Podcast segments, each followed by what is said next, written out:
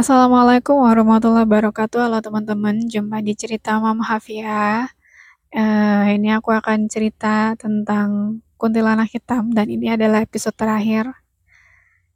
Jadi setelah aku mengalami kejadian malam itu, di mana setelah membunuh cicak aku dan suamiku itu bereaksi terhadap air ya, itu kan akhirnya aku cari orang yang bisa ngeruk ya.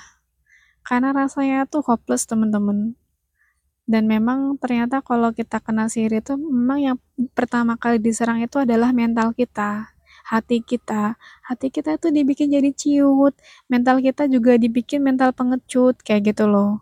Jadi di pikiran tuh ada pengen ngobatin diri sendiri tapi nanti aksinya tuh gak ada males gitu. Itu aku sama suamiku aku kan coba cari ustadz yang bisa ngeruknya kan. Pertama aku dapat alamat di Semarang tapi uh, harinya cuma hari Minggu dan itu jauh gitu. Terus akhirnya aku dapat satu orang itu alamatnya di Kendal. Tapi dia minta tarifnya tuh mahal banget. Satu kali rukyah tuh 500 ribu. Aku pikir gila nih orang. Ini tuh rukyah loh 500 ribu tuh kemahalan. Kalau dia minta 100, 200 mas mungkin masih aku ngerti lah ya 200 dengan orangnya dateng gitu. Kalau 500 kemahalan, aku dulu waktu masih di Bekasi kan juga jualan jasa ya aku ngoprek gitu kan. Uh, kalau misalkan aku tarifin ngoprekku 100 gitu kan ditambah aku misalkan bensin 50 150 ya udah aku bilang Kendal sama lokasi tempat aku tinggal itu Kendalnya Kaliwungu ya udah Semarang yang timur gitu kan deket. 50 lumayan lah buat bensin gitu kan terus sama jasa dia berapa? Kalau 500 kemahalan aku bilang.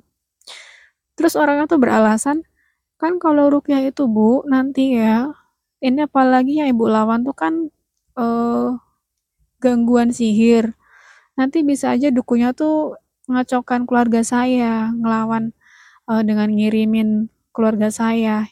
Ya itu sama cerita dia tuh sama kayak temanku yang ninggalin aku itu. Waktu aku kena pelet kan temanku ninggalin aku gara-gara katanya dukunya itu uh, mencelakakan mencoba untuk mencelakakan dia dan keluarganya karena dia bantuin aku.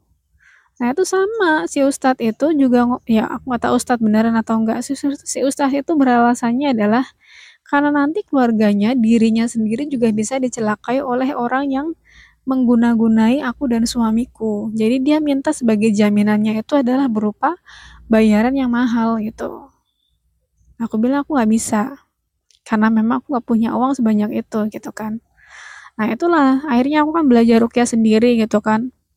Aku belajar rukyah sendiri dan terakhir kali uh, oh bukan terakhir kali, pertamanya aku mimpi dulu nih. Aku mimpi itu akan aku setelah nifas apa ya, setelah keguguran darahku udah berhenti kan aku sholat terus ya.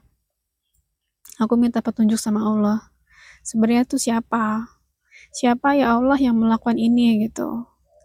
Dan pada salah satu video rukyah yang aku tonton itu sebenarnya disebutkan bahwa kita korban dari sihir itu pasti akan dikasih petunjuk siapa orang yang ngirimin gitu.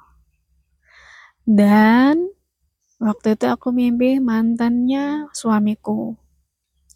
Cewek itu ada di mimpiku dan dia tuh kesenangan ngelihat aku sengsara. Di mimpi berikutnya lagi, aku tuh di sebuah gudang gitu ya nggak tahu. Itu aku ketemu sama bapak-bapak. Dia tuh matanya melotot mandang ke aku ngomong tak pateni kue. Sambil bawa celurit dia ngejar aku. Itu aku ketika bangun aku ngomong sama suamiku yang bapaknya mantanmu si Anu ini ciri-cirinya begini bukan? Aku sebutin kan orangnya begini-begini gitu. Suamiku bilang iya Nah, aku tuh langsung mau lihat medsosnya, media sosialnya mantannya suami tuh nggak tahu kenapa aku nggak bisa. Aneh kan? Tadinya tuh bisa loh, tapi setelah itu tuh nggak bisa. Terus akhirnya aku coba pakai Facebooknya suamiku, aku lihat tuh bisa. Jadi punya suamiku tuh nggak diblokir, tapi malah Facebookku yang diblokir gitu. Ini aneh banget nih. Terus Instagramnya tadinya tuh nggak di private, setelah aku gitu dia di private gitu. Seolah kayak tahu aku bakalan mencari tahu gitu loh. Tapi suamiku inget. Bapaknya tuh ciri-cirinya kayak gitu. Terus terus akhirnya kan aku bisa buka lewat Facebooknya suamiku. Aku lihat ini orang ini yang ada di mimpiku gitu. Dia kan ke, akhirnya tahu kan?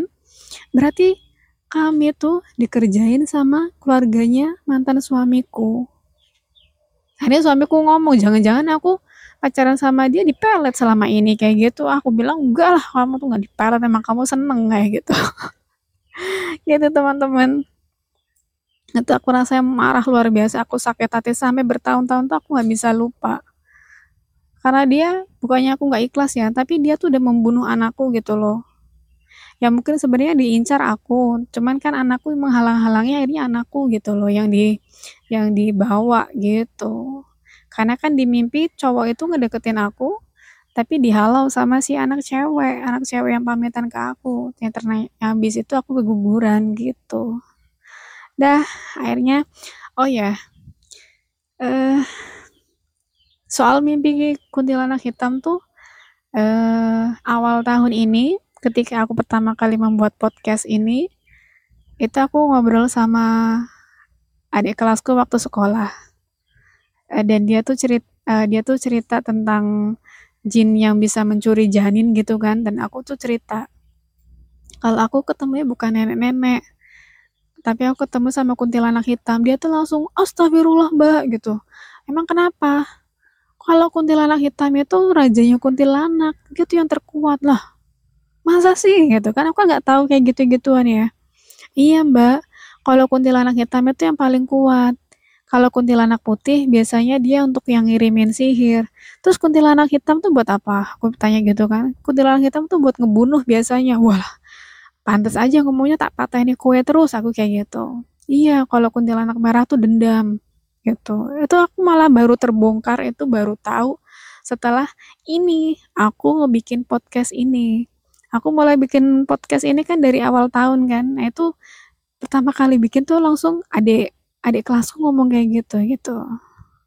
Jadi uh, kejadian tahun 2016 dan itu itu baru baru apa ya baru connect baru terjawab kenapa sih kok mimpiku kuntilanak hitam? Kenapa ada kuntilanak hitam? Kenapa nggak merah atau putih seperti di TV ternyata itu kayak gitu teman-teman aku sendiri kan nggak tahu dunia dunia mistis kayak itu aku nggak ngerti ya aku cuma tahu kalau ada gangguan cara mengatasi sesuai Al-Quran dan hadis kayak apa kayak gitu. Dan aku nggak bisa ngelihat aku nggak bisa ngerasa.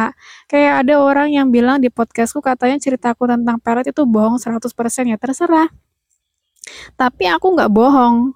Dia mau percaya atau enggak terserah tapi aku nggak bohong gitu loh. Intinya aku nggak bohong titik. Karena aku nggak tahu dunia mistis ketika aku dibilang aku kamu kena pelet dan memang rasanya aneh ya udah aku percaya gitu. Tapi aku nggak bohong semua yang aku ceritanya tuh nyata. Memang sih di dunia sekarang ini banyak orang yang mencari panggung dengan berhalusinasi menceritakan hal bohong demi untuk viral dan segalanya tapi aku nggak. Di sini aku pengen berbagi pengalaman. Aku pengen teman-teman semuanya tuh tahu bahkan ilmu sihir sekuat apa pun itu pasti kita sebenarnya akan dibantu sama Allah gitu.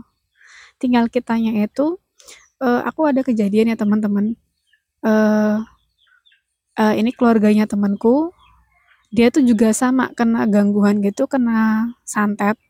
Tapi memang orangnya tuh semenjak hidup sukanya ke dukun. Akhirnya tuh meninggal sih.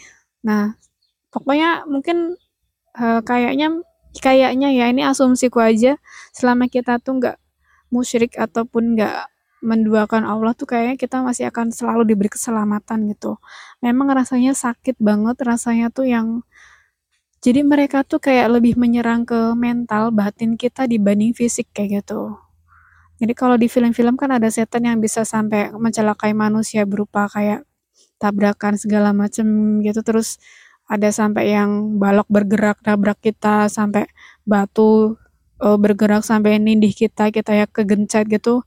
Itu enggak yang kayak gitu. Jadi yang kalau yang aku alami tuh gangguan sihir itu lebih kayak yang kitanya tuh dibuat depresi, dibuat cemas, dibuat takut, udah tahu kena gangguan sihir tapi malas untuk mengobati kayak gitu. Ya itu sekedar uh, berbagi pengalaman dari aku aja ya. Tetap semangat, tetap berpegang teguh, yakin sama Allah bahwa kita akan dibantu dan yang pasti jauhi, jauhi jangan pernah sekali-kali ke dukun ataupun berbuat musyrik. Terima kasih. Assalamualaikum warahmatullahi wabarakatuh.